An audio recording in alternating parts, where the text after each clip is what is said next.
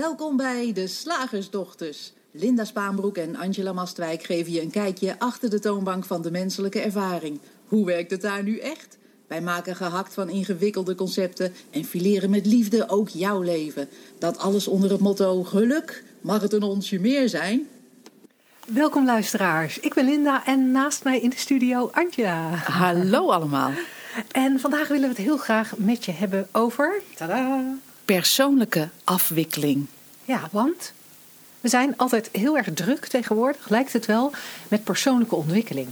Ehm, ik heb begrepen, Angela, dat dat ook iets is. Uit de bladen heb ik dat begrepen. Dat het iets is wat ook echt belangrijk is om mee bezig te zijn. Je moet je wel persoonlijk blijven ontwikkelen. Je moet wel een steeds beter mens worden. Ja. Steeds meer jezelf leren kennen. Mhm. Dat soort termen. Is dat ook wat jij hoort als het gaat over persoonlijke ontwikkeling? Ja, het lijkt een soort. En ik heb het natuurlijk over, over wat we in, in Nederland doen, in de Nederlandse bladen. Ehm, het lijkt een soort dingetje geworden te zijn dat als je nou ja, de basics op orde hebt. Je hebt een, eh, je hebt een huis, je hebt te eten, je hebt eh, werk als dat eh, jouw ding is. En, en dan, dan kan je aan jezelf gaan werken zodat je in al die omstandigheden die je, die je zo dagelijks meemaakt, eh, dat je die een beetje makkelijk kan handelen. Dat je een goed mens bent ook. Ja. Zoiets. En blijkbaar moet daar heel veel voor gebeuren. Ja, en als we dan gelijk even met de deur in huis vallen. Wij slagersdochters, wij vinden persoonlijke ontwikkeling gedoe. Een beetje onzin. Sorry voor de mensen die, die er heel druk mee zijn. Maar kijk gewoon eens even met ons mee om te zien wat je ervan vindt wat wij te vertellen hebben in, in dit kader. Ja, want zullen we dan eens beginnen met waarom wij persoonlijke ontwikkeling gedoe vinden? Persoonlijke ontwikkeling. En ehm, ja, dan, dan ga je al uit van de aanname dat je een persoonlijkheid hebt of bent. En die dan ook nog niet goed genoeg is. Ja, er, er, is, een, er is een soort in marmer gehouden Angela. Ik, Ja. ik noem even jouw naam omdat jij tegenover mij zit. Een in marmer gehouden Angela. Die is op een bepaalde manier, daar kunnen wij niet omheen. Het is namelijk keihard vastgelegd in dat marmer. Ja, En dat vinden wij niet goed genoeg. Dus daar willen wij aan bijtelen, aan schaven. En je kan je voorstellen met marmer, dat kost vrij veel moeite. Dat hebben wij, die Angela hebben wij niet zomaar een andere vorm gegeven. Die hebben we niet zomaar aangepast naar iets anders. Dus daar moeten we veel voor doen, hard voor werken. Misschien ook wel moeilijke dingen voor doorstaan. Dappere Eh, dingen. Dappere dingen. We moeten misschien over kolen lopen. We moeten misschien in regressietherapie. We moeten kijken naar ons verleden. Hoe komt het nou Ja. dat deze Angela deze vorm marmer heeft gekregen? Ja, en die, die, die ook al heel lang geleden eigenlijk eh, begonnen is. Hè. Bijvoorbeeld, zij heeft, eh, Angela is niet assertief genoeg. Er zijn situaties waarin ze haar mond niet genoeg open durft te doen. En dat, eh, nou ja, dat, dat heeft dan, zeggen wij, een wortel in het verleden. Dus daar moeten we naar op zoek. En we moeten het feit dat Angela niet assertief genoeg is, het feit dat dat in dat marmer is gehouden, dat moeten wij gaan veranderen. Ja. Op de manieren die jij zojuist aangaf. Dus er moet er hard gewerkt worden. Ja. Dat vinden wij om te beginnen al vervelend. Wij slagersdochters, wij zijn van het moeiteloze. wij houden ervan om mensen een shift te laten maken naar moeiteloosheid. In alle vlakken van je leven. Dus, dus dat is al een puntje waarvan wij zeggen, "Mwah, vinden we niet zo leuk voor je. Maar wat vooral is waar wij mee zitten, is dat marmer. Want dat wat we zeggen over Angela, dat wat we vinden over Angela, of wat Angela over zichzelf zegt, hè, want het gaat nu even over persoonlijke ontwikkeling. Dus we doen even met z'n allen alsof wij allemaal Angela zijn. En wij vinden allemaal wat van onszelf. Wij vinden allemaal iets van dat marmer. En wat we over het hoofd zien, is dat wat we, wat we zien als we kijken naar Angela, wat we betitelen als haar persoonlijkheid, wat we betitelen als haar problemen, dat gebrek aan assertiviteit bijvoorbeeld, dat zitten we allemaal zelf te verzinnen. Ja, We zitten het totaal zelf te verzinnen en maken er dan een in marmer gebeitelde waarheid van. En het verzinsel, daar gaan we dan aan zitten sleutelen. Wacht even. Kan iemand het nog volgen? Ja, het is heel interessant dat we dat soort dingen eigenlijk voor waar zijn aan gaan nemen. Dingen als ongewenste eigenschappen. Bijvoorbeeld verlegenheid, niet assertief zijn, mm, stressgevoelig. nou, dat zeiden wij allebei tegelijk. Stressgevoelig zijn, een angsthaas zijn. Gevoelig. Ja, heel gevoelig, overgevoelig, hypergevoelig. Dat we dat soort dingen eh, bij onszelf en bij de ander constateren. En dat we daaraan gaan knutselen. Want met die constatering is al iets mis, hè? Dat is het probleem. En dat is wat we vaak niet zien. Wat er mis is met die constatering, is, ik zei het net al even heel snel, hè? Ehm, we zitten hem zelf te verzinnen, die constatering. En hij is misschien soms wel waar. Ja. Er zal best een moment zijn dat Angela haar mond niet open doet, terwijl ze het eigenlijk wel had gewild. Er zijn inderdaad momenten waarop Linda overgevoelig reageert, terwijl dat niet per se noodzakelijk is. En zo, zo is elk van de gedachten die we over onszelf hebben, zijn er best momenten aan te wijzen waarop je zegt: ja, toen was ik inderdaad even overgevoelig. Of hé, hey, ja, toen heb ik mijn mond niet open gedaan terwijl ik dat wel had kunnen doen. Alleen wat we vergeten is dat het momenten in de tijd zijn. Ja, en dat je in elk moment in de tijd alleen maar kan ervaren de gedachte die in dat moment speelt.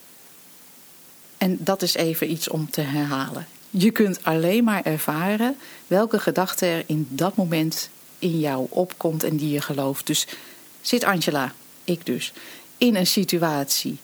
Er wordt iets tegen mij gezegd waarvan het handig zou zijn dat ik erop reageer. Maar in mij komt de gedachte op: laat ik mijn mond maar houden. Of ik vind het eng om iets te zeggen. Dan ervaar ik die gedachte, ik voel die gedachte. En als ik dat serieus neem, dan zal ik mijn gedrag daarop laten volgen, namelijk niets zeggen. Het feit dat ik dat wel eens doe, zegt niets over mijn persoonlijkheid, die eigenlijk niet bestaat in mijn opinie. We zijn eigenlijk als mens gewoon een, uh, wat we in het moment beleven. En zoals jij al zei, soms is dat zo en soms is dat zus. En dan hebben wij de mogelijkheid om te denken: oh, dat doe ik ook altijd. Ja. En die gedachte maakt dat we ook alleen dat van onszelf zien. Hè? Want, want zo werkt dat met die gedachten. Als ik heel veel aandacht ga besteden aan de gedachte: oh, ik moet echt assertiever worden. Dan zal dat voor mij gaan leven. En zal ik in heel veel situaties weer teruggrijpen op die oude, gerecyclede gedachte: ik moet wat assertiever zijn. En dan maak ik er een ding van. Dan maak je er een enorm ding van. En dan ga je er ook van uit dat het erg is dat je af en toe niet iets durft te zeggen. Of dat, het erg is dat je af en toe uh, verlegen bent. Of dat het erg is dat je af en toe iets niet durft. Of ergens gevoelig op reageert. Of wat dan ook. Je, creëert heel erg veel gedachten over gedachten. want je hebt gedachten van onzekerheid waardoor je je mond niet open doet. En vervolgens ga je gedachten hebben over het feit dat dat zo was. En ga je er een sticker op plakken en ga je dat assertief noemen of gebrek aan assertiviteit noemen. Um, ga je je focus erop leggen, maak je er een groot probleem van en ga je vinden dat het anders moet. Ga je erbij verzinnen dat het leven een stuk beter is als jij um, wel je mond open zou durven doen, uh, als jij wel andere gedachten zou hebben. En ga je eigenlijk knutselen aan iets waar niet aan geknutseld hoeft te worden. Want wat je doet is, je, je stapelt gedachte op gedachte op gedachte over jezelf. Gelooft alles wat je denkt over jezelf.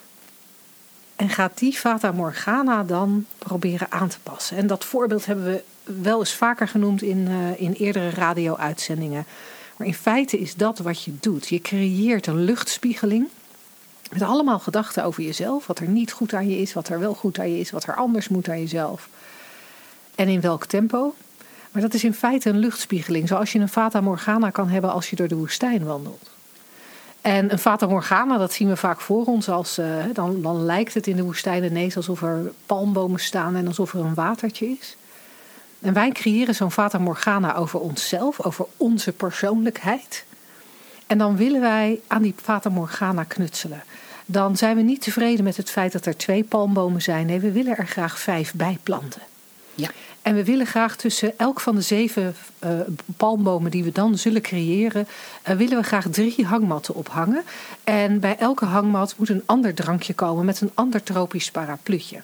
En voor een aantal van die hangmatten willen we graag een bijbehorend gekleurd kleedje. Zodat als we uit de denkbeeldige hangmat stappen, wij heerlijk met onze voeten op het kleedje komen en niet in het zand. Zodat het zand niet tussen onze tenen komt. Nou, dit hè, deze gedetailleerdheid van fantasie hebben we ook over onszelf. En nogmaals, dan gaan we dus knutselen aan onszelf. Gaan we knutselen aan de Fata Morgana die we over onszelf hebben bedacht.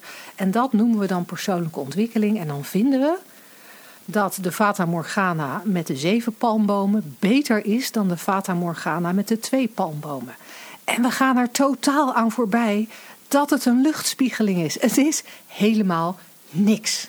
Nee. Die twee palmbomen zonder ehm, hangmat niet, maar die zeven palmbomen met hangmatten ook niet.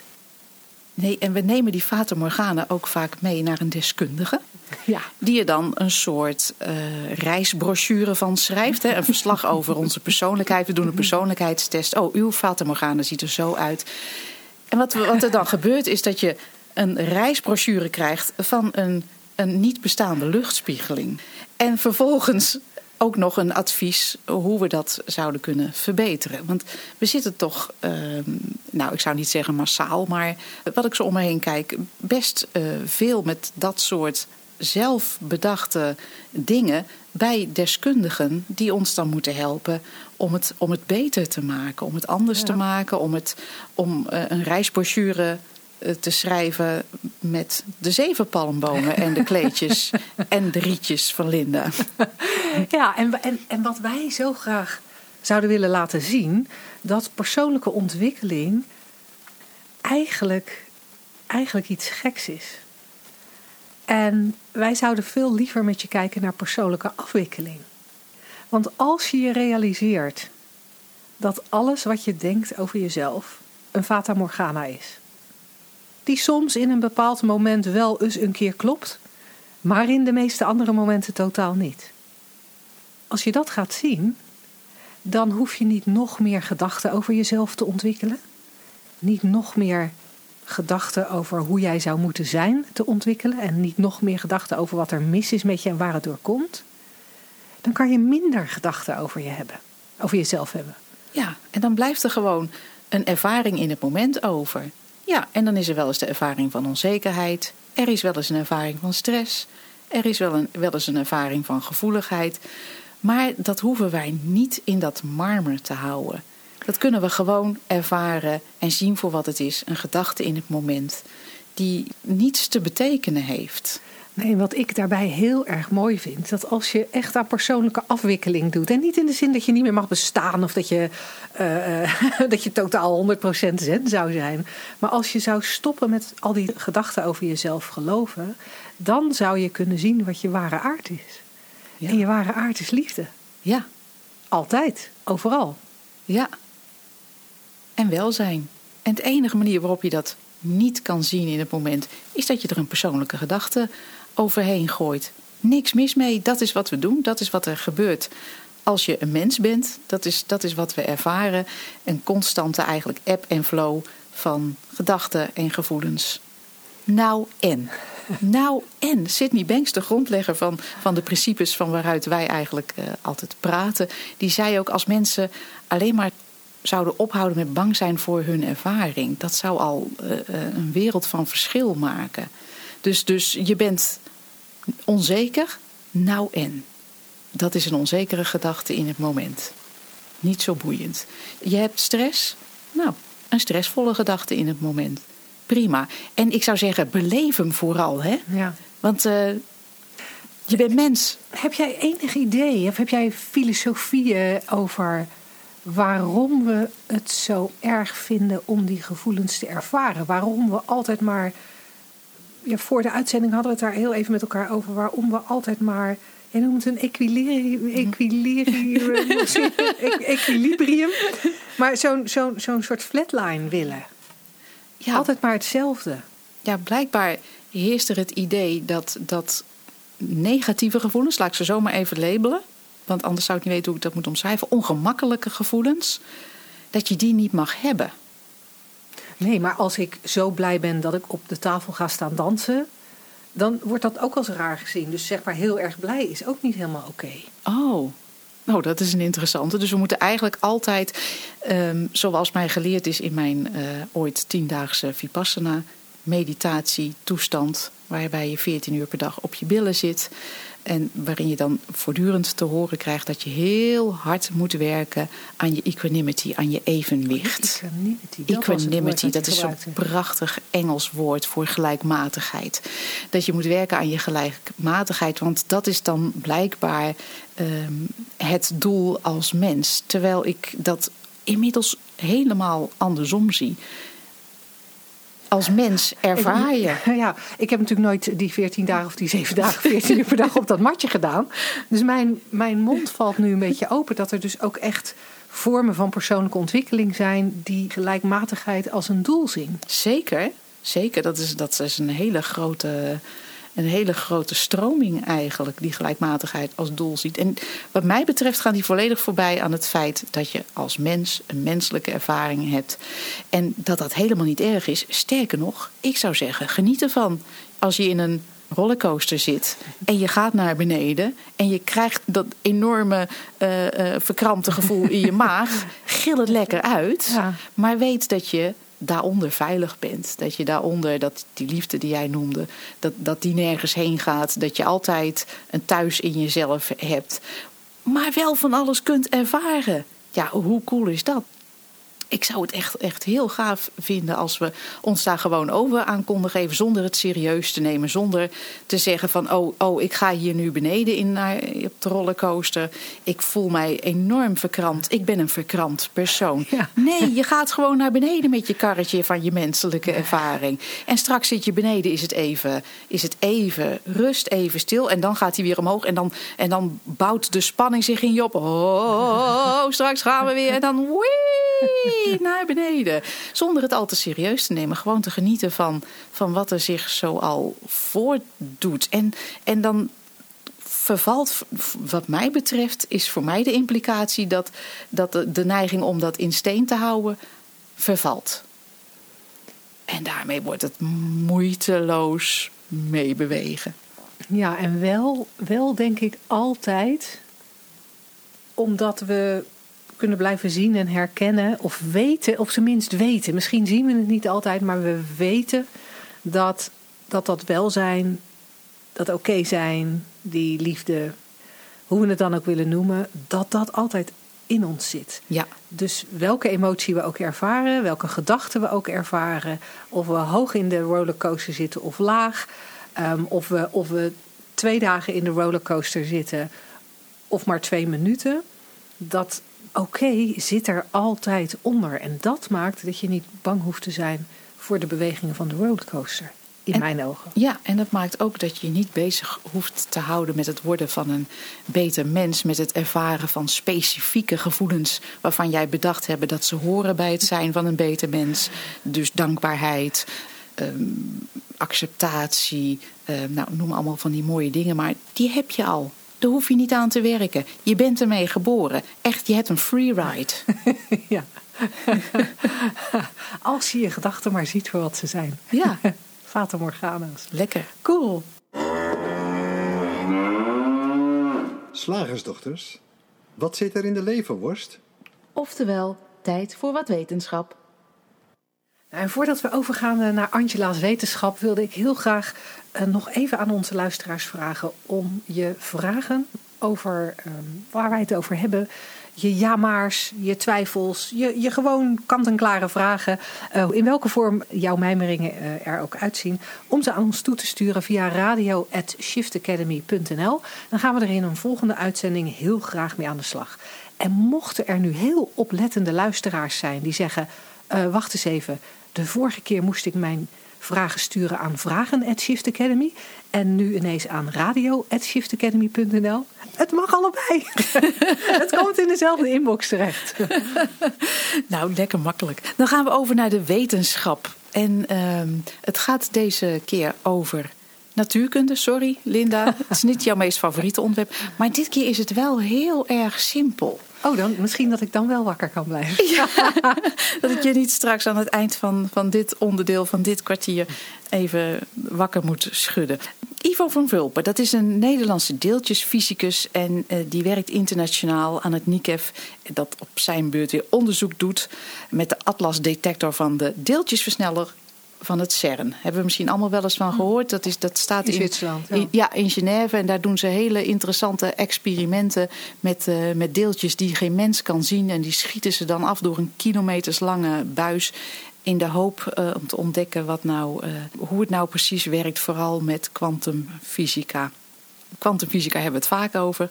Maar deze keer gaan we eigenlijk kijken naar gewoon materie. De vorm zoals wij die kennen en de elementaire bouwstenen daarvan. En het artikel wat ik gelezen heb van Ivo van Vulpen, daarin werd hen de vraag gesteld van kennen we nou eigenlijk alle bouwstenen van de materie? En hij moet daarop antwoorden hoe geleerd hij ook is en hoeveel experimenten er ook gedaan worden. Eerlijk gezegd weten we dat niet. Ze hebben de afgelopen honderd jaar zijn de natuurkundigen steeds verder doorgedrongen in het hart van alle materie. We kunnen natuurlijk steeds meer waarnemen. We hebben steeds sterkere microscopen.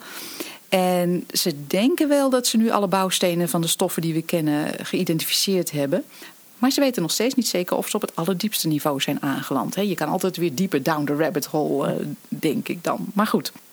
Meneer Van Vulpen, of ik moet eigenlijk zeggen professor Van Vulpen. Ik ben altijd zo uh, onbeleefd met mijn, uh, met mijn meneer. Ik vergeet altijd wat de aanspreektitel uh, van deze geleerde is.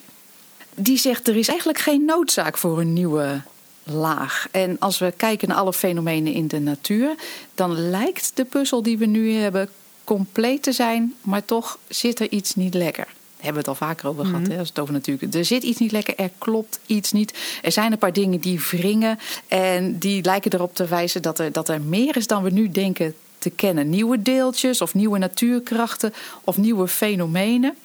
Maar daar heeft hij zich in dit artikel niet bezig mee gehouden. We houden het ook heel, heel simpel. Uh, en, en geven een overzicht van de elementaire deeltjes zoals die nu gekend worden. Al 50 jaar weten we blijkbaar dat alle unieke stoffen die we kennen op aarde, van goud tot zuurstof en van koolstof tot, uranium, opgebouwd zijn uit maar drie fundamentele bouwstenen. Hm. En daar ligt straks ook de link met, onze, met, met de principes eh, die wij uh, voor de psychologie kennen. Hè? Drie fundamentele bouwstenen. Dat is natuurlijk heel weinig. Hè? Want als je om je heen kijkt, dan ja, die, die, die vorm is, is. Dat heeft zo, is zoveel gedaantes, zoveel uh, verschillende dingen. Maar het bestaat echt allemaal maar uit drie dingen. Namelijk twee quarks. Ik, ik moet altijd aan zuivel denken, maar goed. Twee quarks en een elektron om precies te zijn. En dat betekent dus, ik zeg het nog maar eens, echt alles op aarde is opgebouwd uit dezelfde drie unieke bouwstenen. Dus het, uh, ik lees dit af van een computerscherm. Dat computerscherm waar ik naar kijk heeft maar drie bouwstenen. Maar ook pindakaas heeft maar drie bouwstenen. Of zand en gras, bier, de lucht, bloemen, stropdassen. Mark Rutte staat hierbij. Dat vind ik dan ook alweer weer grappig. Echt alles, jij en ik, Linda, deze microfoon, heeft maar drie bouwstenen. En ook de sterren en planeten die wij kunnen waarnemen vanaf deze aarde zijn opgebouwd uit die dingen die we op aarde kennen. Alles in het heelal is een grote puzzel met maar drie verschillende puzzelstukjes. Elke stof die we kennen heeft het kleinste bouwsteen daarvan, materietje daarvan, is een atoom. En die zijn eigenlijk zo klein er staat hier dat ze kleiner zijn dan 1 miljardste meter. Dat kunnen we ons gewoon niet voorstellen. Dat, is, dat kan ons hoofd niet aan. We kunnen het met het blote oog ook niet zien. Maar daar is die, die deeltjesversneller eh, in, uh, in Zwitserland ook voor. Dat is eigenlijk ook een hele sterke microscoop. En uh, daarmee is het ook gelukt om, om tot die hele kleine wereld door te dringen en die in kaart te brengen. En we weten dus al, al 100 jaar dat, dat alles maar drie bouwstenen heeft. En uh, toen, we, toen dat ontdekt werd, was dat een enorme stap. Omdat het de natuurkunde eigenlijk vereenvoudigde.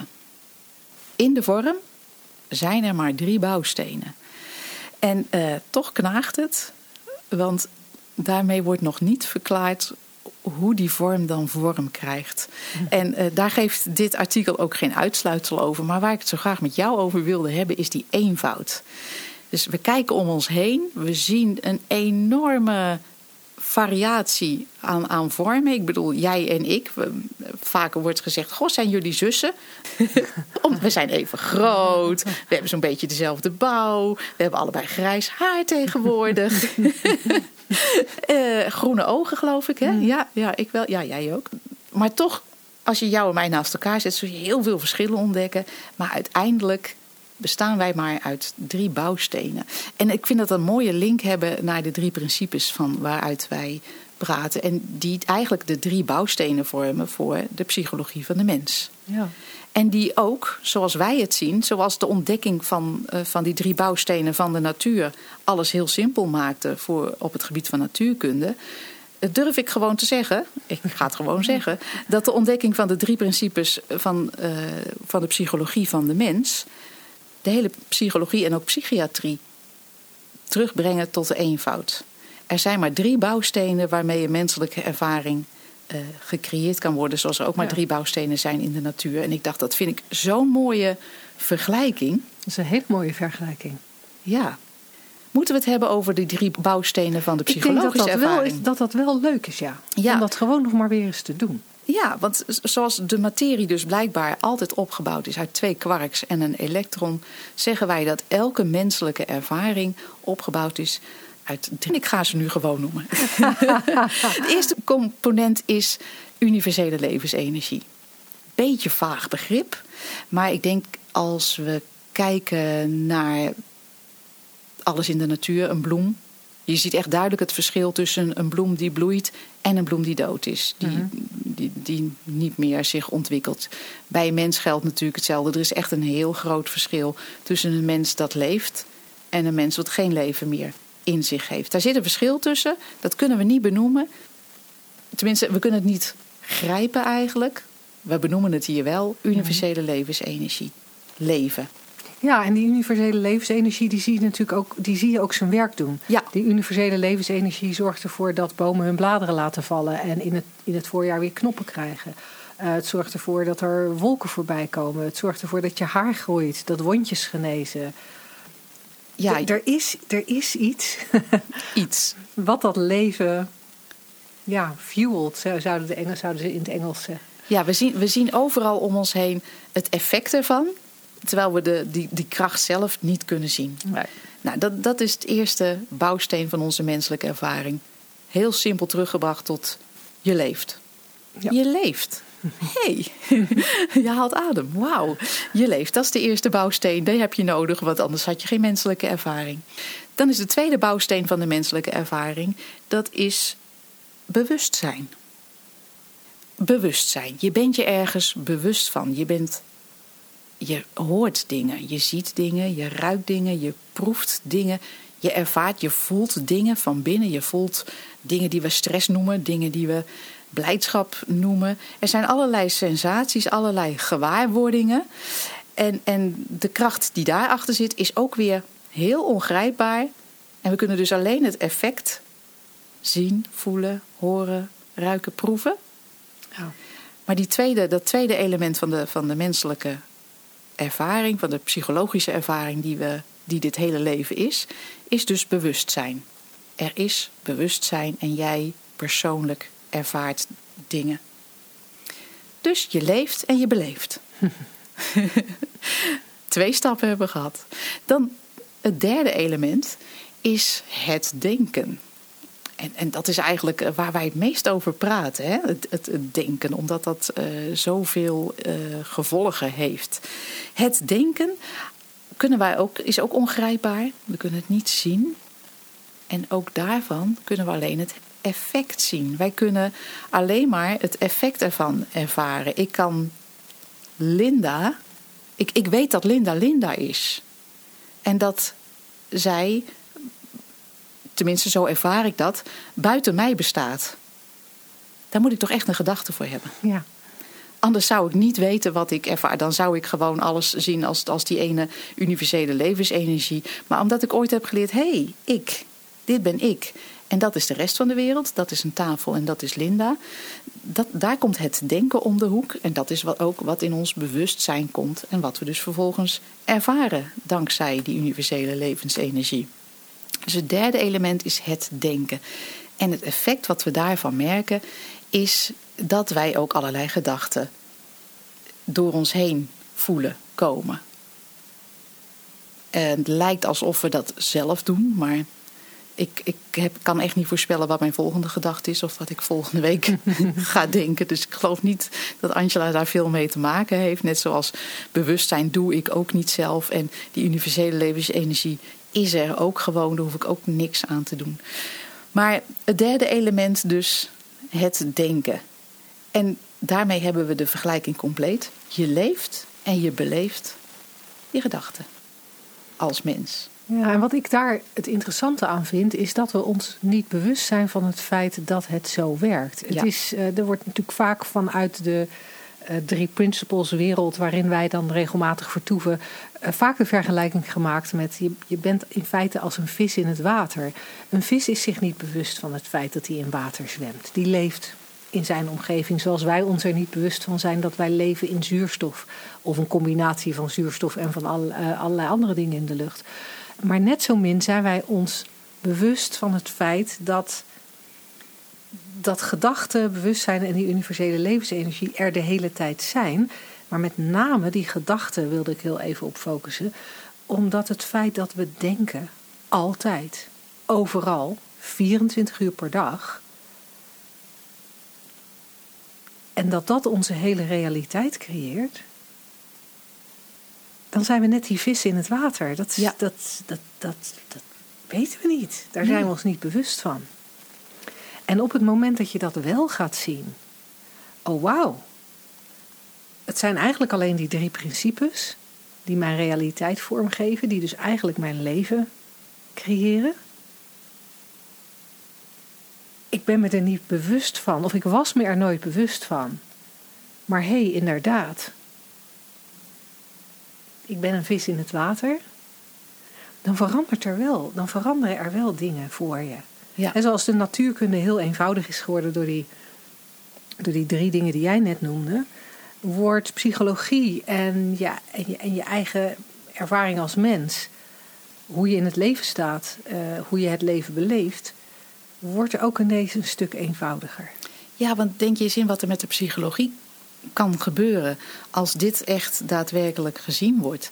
Dan hoef je dus nooit meer eindeloos in therapie om te kijken naar je verleden. Je hoeft geen dingen meer om te buigen. Je hoeft geen dingen meer af te leren of aan te leren. Je hoeft alleen maar inzicht te krijgen in de werking van dit psychologische systeem. En dan valt eigenlijk zijn er dan heel veel gedragingen die we, die we dan nu nog hebben, die, die, waarmee we onszelf soms beschadigen. Hè. Ik noem maar anorexia of uh, uh, alcoholverslaving of nou ja, diepe depressies, uh, waardoor, waardoor we niet meer van de bank afkomen. Dat wordt dan gewoon niet meer logisch. En, en dat zou natuurlijk fantastisch zijn als de psychologie en ook de psychiatrie een beetje deze kant op kon kijken. Dan wordt het oh. zo simpel. Ja, en het zou zoveel leed uh, voorkomen. en wegnemen. Ja. Nou ja, we hopen dat, we, dat wij daar een eh, klein bouwsteentje aan bij kunnen dragen. Ja, zeker. En, en voor wie uh, zegt van goh, dat verhaal over die drie principes, interessant. Um, kan ik dat ergens nalezen? Uh, ja, dat kan. We hebben een e-boekje op onze website. Dat kun je gratis aanvragen. Dat heet Drie Stappen naar Geluk. En in dat e-boekje leggen wij je nog eens uit hoe dat dan zit met die drie principes, zodat je dat nog eens na kunt lezen. En op de website uh, shiftacademy.nl, nou kun je dat gewoon op de homepage, uh, zul je daar onmiddellijk mee geconfronteerd worden, dat je dat boekje kunt aanvragen. je bent van harte welkom om dat ook daadwerkelijk te doen. Tot zover de wetenschap. Zeg, slagersdochters, hoe bak ik die vegaburger? Over naar de luisteraarsvraag. Nou, dan pak ik uh, de vragen erbij uh, die we binnen hebben gekregen. Het is, het is een leuke vraag. Ik, kan kiezen uit een aantal vragen, maar dit vind ik al een hele leuke. In navolging van uh, onze uitleg zojuist over de drie principes. Marco zegt: Ik merk dat als ik me slechter voel, dat de drie principes dan niet meer werken. Dan voelt het allemaal zo echt en dan vergeet ik dat het maar gedachten zijn. Ja, wat een, heel, wat een ontzettend herkenbare uh, vraag. Het, het lijkt omdat we zo gewend zijn om aan dingen te knutselen, hè? Om, om aan persoonlijke ontwikkeling te doen, Ja, lijkt het. Waar, waar deze uitzending Ja. helemaal over gaat. ja, lijkt het van, oh, als ik me slecht voel, dan moet ik daar iets aan doen. En die principes die moeten er blijkbaar voor zorgen dat ik me ontspannen voel. Dus nu werken ze niet. Ja, ja die principe, Ja. principes worden dan als het ware het toeltje Ja. waarmee je jezelf onder controle houdt. Ja, waarmee je je. Dus dan wordt het een zelfontwikkelingstoel. En, en dat is natuurlijk niet eh, de richting die wij opwijzen. Eh, zoals jij al zo mooi vertelde net van de vis in het water. Wij zijn ons niet bewust van die drie principes. We zijn ons niet bewust dat we in een wereld van het denken leven. Maar dat is altijd zo. En als Marco was het, Ja. op de bank zit en zich heel erg vervelend voelt. Ook dan zijn die drie principes perfect aan het werk. Ja. En brengen ze op dat moment in Marco's bewustzijn een setje vervelende gevoelens. Ja, ze creëren een film die Marco minder aantrekkelijk vindt dan sommige van zijn andere films. Ja, en de neiging is dan groot om te zeggen: Oh, maar hier werken die drie principes niet. Het voelt echt. Ik vind dat heel interessant dat, eh, dat we vaak zeggen dat depressieve of andere ongemakkelijke gevoelens echter zijn dan vrolijke gevoelens. Dat is eigenlijk alleen een, een, een mening die wij eroverheen hebben gegooid. Een misverstand, omdat wij denken dat wij altijd gelijkmatig moeten zijn. Ja, En ehm, zo hoorde ik laatst een heel interessant verhaal. En dat wil ik graag even vertellen ter illustratie. Er was een, eh, een jonge vrouw en eh, die bewoog zich, beweegt zich in een leuke vriendenkring. Ze organiseren regelmatig dingen, etentjes, feestjes en ook gewoon samen in het bos wandelen. Echt hartstikke leuk. En zij vond het, eh, zij vindt het heel gezellig om zich daarin te begeven en mee te doen. En, en ze geniet dan van de verhalen van iedereen. En ze draagt ook haar steentje bij aan de gezelligheid, de verhoging van de feestvreugde. Maar als zij eh, thuis was, alleen was, s'avonds naar haar werk, ze woont dan alleen, dan had ze last van ongemakkelijke gevoelens. Zoals Marco ook zegt, ongemakkelijke gevoelens. En eh, depressieve gevoelens zelf, eh, zelfs. En, en omdat zij vond dat ze die niet mocht hebben, ging ze daar heel veel aandacht aan besteden. Goh, waarom ben ik zo depressief? Ik heb toch een leuke vriendenkring en een, eh, een leuke baan. Ja, ik voel me ook wel alleen eigenlijk. En eh, nou ja, misschien dat ik eh, vroeger dat er toch ook iets mis is gedaan, waardoor ik nu dit soort gevoelens heb. En heeft zich opgegeven voor een dagbehandeling voor haar depressieve gevoelens. En zij stuurde een berichtje naar haar vriendenkring waarin zij mededeelde: jongens, ik wil nu even open zijn. Ik ben depressief. En dat laat ik niet merken als ik bij jullie ben. Maar zodra ik thuis ben, dan, dan overvalt mij dat. En dus eh, ik wil hier open over zijn. Ik wil de waarheid spreken. Ik ben depressief. En iedereen waardeerde dat enorm. En toen dacht ik, dit is interessant. Want zouden we het omkeren? Hè? Even, even gewoon voor de sake of dit verhaal. Zouden we het omkeren, dan zouden we ook kunnen zeggen... zij is enorm vrolijk. ja. En daar wil ze open over zijn. Jongens, ik moet jullie wat, eh, wat vertellen. Ik, eh, ik ben vrolijk. En ja, weet je, als ik thuis zit, dan doe ik wel depressief. maar dat is niet, eh, niet wie ik werkelijk ben. En ik denk dat ik voor al die vrolijke gevoelens toch... Ja, ik, ik wil weten wat de wortel is. Ik wil er ook van af. Eh, dus ik, eh, ik geef mij op voor een dagbehandeling voor mijn vrolijke gevoelens. dat klinkt ons echt heel raar in de oren. Dat is iets wat we nooit zouden doen. Maar het geeft wel aan dat. Kijk, we, we keren het dus echt eh, nooit om. Terwijl hetzelfde systeem aan het werk is. En dan gaan we zeggen: oh, maar die depressieve gevoelens. Die zijn echt. Dat is wie ik werkelijk ben. Daar wil ik open over zijn. Ja. Alleen maar omdat ze ongemakkelijk voelen. Ja. Maar dat is het enige wat er aan de hand is. Een depressieve gedachte, een depressief gevoel, een depressieve werkelijkheid. En wat niet gezien wordt is, in een ander moment is er een, een vrolijke gedachte, een vrolijk gevoel, een vrolijke werkelijkheid. Nee, we gaan ons focussen op, oh, maar dat is mis. Oh, dep- depressief is mis. Dat mag niet, daar wil ik van af. Daar moet serieus naar gekeken worden. Zeggen wij nooit van vrolijke gevoelens. Ik ben zo vaak vrolijk, ik, ik moet daar eens serieus naar laten kijken. Nee, en het doet mij denken aan een verhaal dat ik eh, Bill Pettit ooit eens heb horen vertellen. Hij is een psychiater in Amerika die al jarenlang op basis van de drie principes werkt. En hij vertelde een verhaal van iemand in een psychiatrische inrichting die daar al jaren en jaren zat wegens depressiviteit. En die vrouw leerde over de drie principes. En En ineens kreeg zij het inzicht op enig moment dat zij elke ochtend wakker werd. Oké, gewoon, dan voelde ze zich goed. Maar zodra ze echt goed wakker was, realiseerde ze zich dat ze een depressief persoon was. Ja, je lacht erom. En stortte zij zichzelf weer in alle onschuld in het nadenken over hoe depressief ze was, waar het vandaan kwam, hoe erg het was, hoe uitzichtloos, hoe zwart, hoe donker. En, en ik, ik kan het me voorstellen. Ik heb ook periodes in mijn leven gehad. Ik heb ooit voor de drie principles een, een periode gehad dat ik ook bestempeld werd als depressief. Uh, en, en een depressie had, een uitputtingsdepressie in mijn geval. Maar tegenwoordig, uh, post 3P, heb ik nog steeds wel eens depressieve gedachten met de bijbehorende depressieve gevoelens. En inderdaad, als ik ze heb, het heeft niet mijn voorkeur. Nee. Nee, ik bedoel, in alle eerlijkheid, uh, het, het, is toch niet fijn om, om s ochtends wakker te worden en te denken, nou, nou ik, vind er, ik vind er echt niks aan. Nee ik, nee, ik vind er echt niks aan. Alleen omdat ik weet dat het gedachten zijn, omdat ik weet dat ik oké ben, omdat ik weet dat dit is wat het leven inhoudt. Gedachten, bewustzijn, die levensenergie. Dat, dat, al die menselijke gevoelens, hoef ik er niet zoveel mee te doen. Hoef ik inderdaad niet mijn vriendinnen te bellen en te zeggen: Oh, ik zit in een enorm depressieve periode.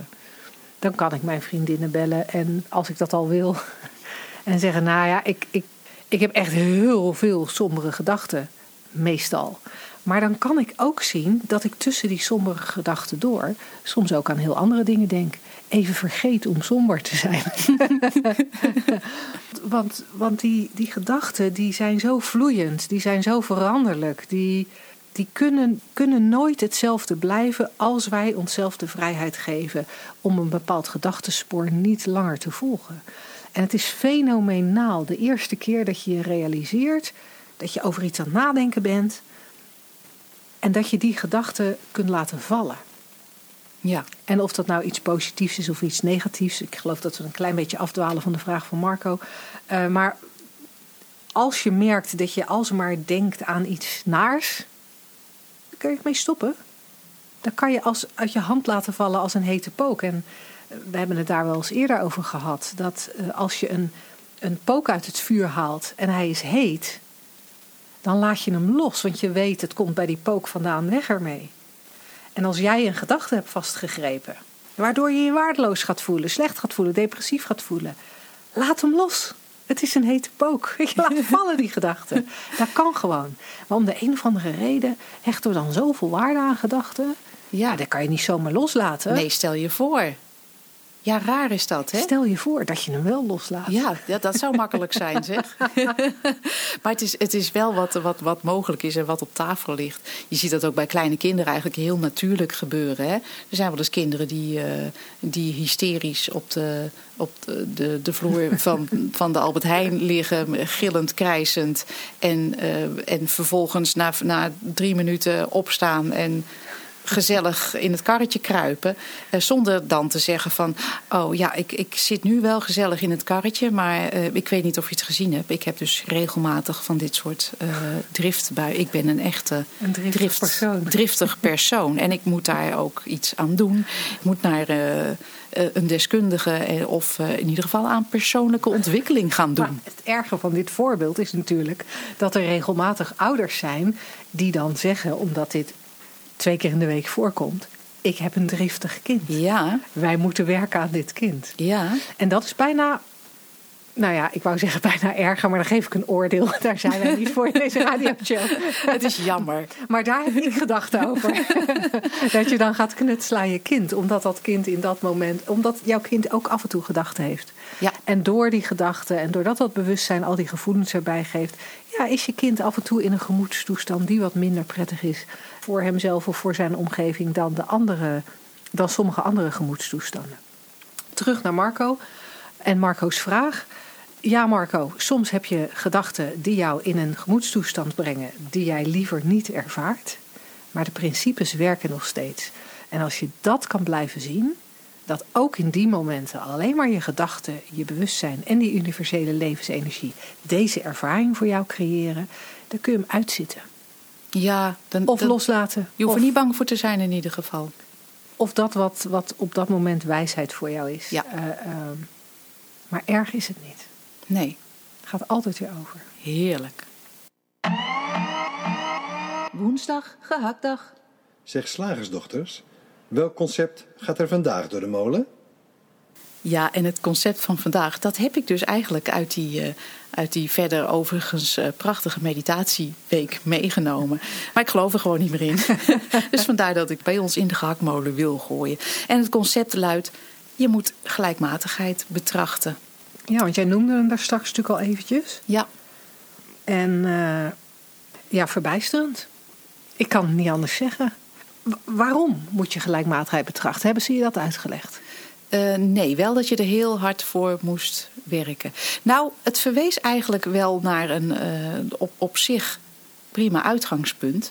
Namelijk dat ehm, wat er zoal in een mensenleven zich voordoet, dat je eigenlijk niet kunt weten wat dat betekent, wat voor gevolgen het heeft, eigenlijk wat dat inhoudt.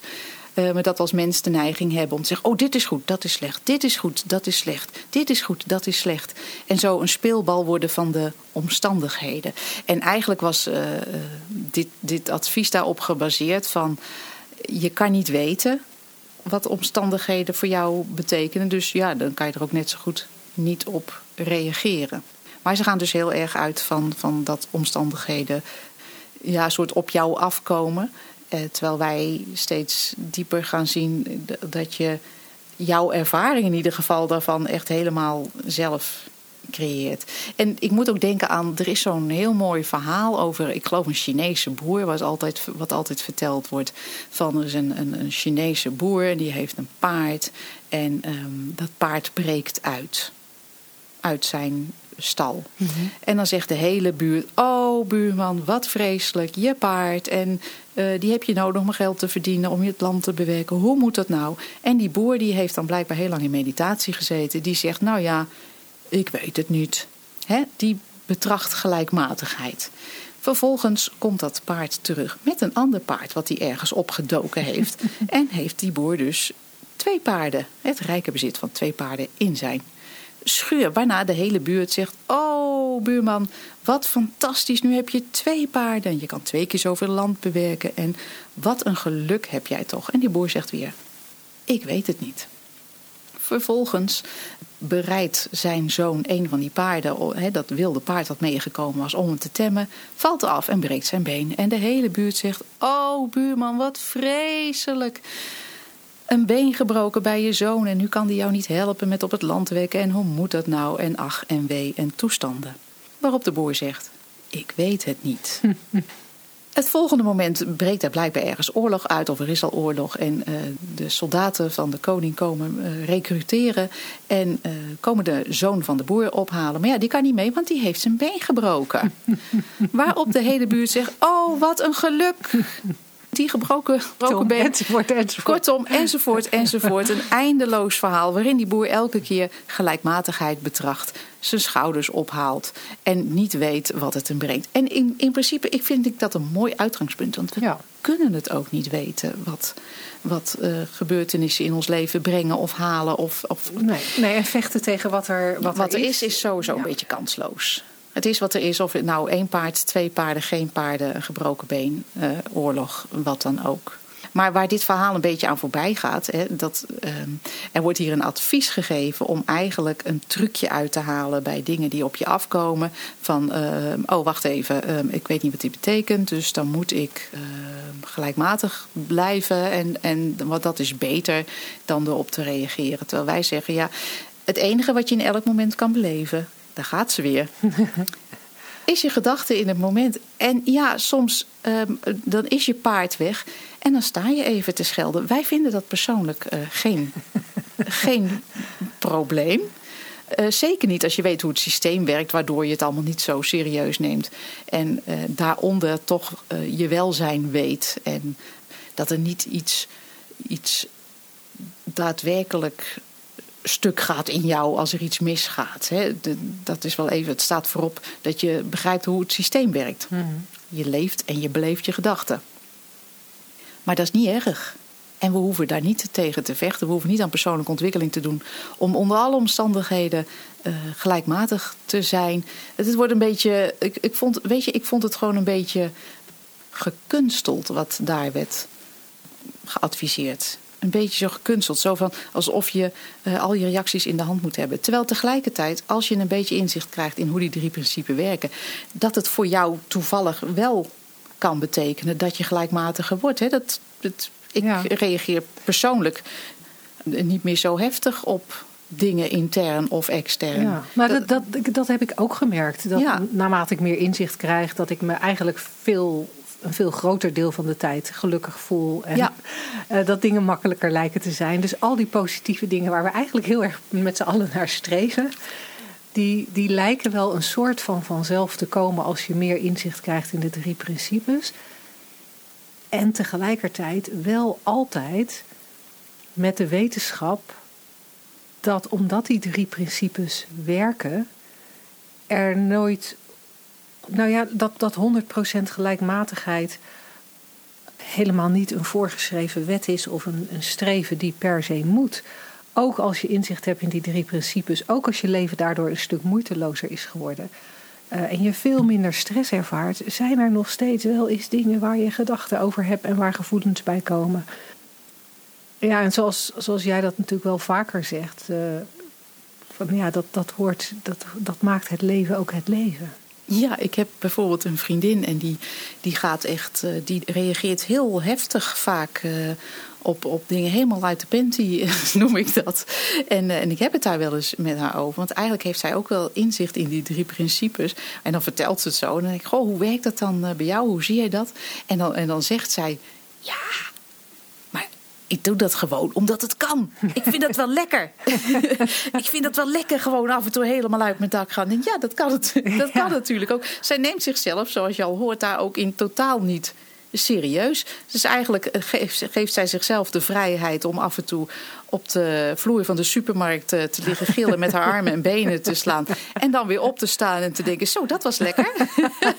en dat vond ik ook wel heel grappig om dat van haar te horen. Uh, van, hoewel er dus, dus een, een, een, groot begrip is van hoe uh, het leven werkt volgens die drie principes, hoe het allemaal vorm krijgt, dat zij toch zichzelf heerlijk laat gaan, gewoon omdat het kan. Ja, ja ik zit hier in een, in een aardepakje, in een menselijke vorm. En daarin kan je dus ook wel eens helemaal uit je dak gaan. Ja, en, en hoeveel vrijheid geeft dat niet? Ja. als je eens uit je dak kan gaan, of als je eens ontzettend mag huilen, of heel erg bang mag zijn. Dat je iets echt helemaal niet durft, of helemaal niet wil, want het is echt te eng. Ja, nou en? Dat, dat, dat geeft echt heel veel vrijheid. Want ik denk dat als ik, als ik kijk naar mensen, dan zie ik toch heel veel beknotten van vrijheid. En dat heeft ook te maken met die persoonlijke ontwikkeling of persoonlijke afwikkelingen. We hebben concepten bedacht over onszelf, over hoe we moeten zijn, hoe het leven moet zijn. En, en dat houdt ons heel erg gevangen. Um, terwijl als je open durft te laten. En je durft te beleven wat er te beleven valt. Wetende, uh, ik ben die universele levensenergie het komt wel goed met mij. ik ben oké. Het komt niet eens goed. Ik ben, ik ben oké in elk moment. Welke emoties of gevoelens of gedachten er ook bij spelen.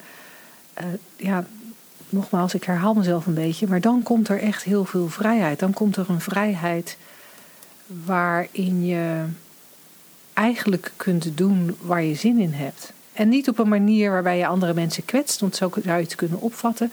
Maar dat is op de een of andere manier, als je meer in deze richting uh, gaat kijken, komt er automatisch ook een bepaalde zachtheid. Lijkt het wel. Het is niet dat je dan juist egoïstischer wordt en lelijker gaat doen naar anderen. Nee, nee maar, maar het wordt kinderlijk eenvoudig. Het wordt kinderlijk eenvoudig. En met, die, ja, met het feit dat je meer en meer gaat voelen en ervaren dat je onderdeel bent van de universele levensenergie, waar ieder ander ook onderdeel van is ja, lijkt het ook wel alsof daar de verbinding ja. meer, meer mee ontstaat. En En dat je, dat je dus echt, echt de vrijheid kunt nemen zonder dat je bang hoeft te zijn dat je daar iemand anders mee kwetst. Uh, om het leven te ervaren in al zijn facetten en daar niet zo moeilijk over te doen, niet zoveel over na te denken. Mooi om te weten en fijn om zo te leven. Ja. hey, dan hebben we nog uh, twee minuten in deze uitzending. Mm. Uh, maar ik denk dat we dit concept wel zo'n beetje uh, vermalen hebben. Ja, ja dat, je, je moet namelijk helemaal niks van ons. nee, dat is wel heel erg lekker. Mocht je nou toch naar aanleiding van deze uitzending denken van jeempie, dat zeggen ze nou wel zo makkelijk of ja, ja maar, dan willen wij heel graag die vragen en ja maar's van je ontvangen via radio@shiftacademy.nl of vragen@shiftacademy.nl. En als je het leuk vindt om deze uitzending nog een keer te beluisteren, of meer uitzendingen van ons te beluisteren, dan zou je ook naar uh, iTunes kunnen gaan en op iTunes zoeken op De Slagersdochters Geluk in de aanbieding. Uh, dan zul je nog veel meer van deze uitzendingen vinden en meer inzicht kunnen krijgen in die drie principes waar wij het over hebben. Ja, want dat is waar we steeds naar verwijzen, over welk onderwerp het ook gaat. Maar ja, we merken zo, we doen dit eigenlijk al, al jaren online. Hè, en dat, we, dat er een onuitputtelijke voorraad onderwerp is om over te kletsen. En dat we toch steeds terugkomen bij dezelfde kern. Het is niet eens een boodschap. Het is alleen maar het inzicht in het, uh, in het systeem. Zonder advies, zonder opdrachten, zonder uh, er iets mee te moeten. Maar ja, vrijheid levert het uh, vanzelf op. Heerlijk. Graag tot de volgende keer. Tot dan.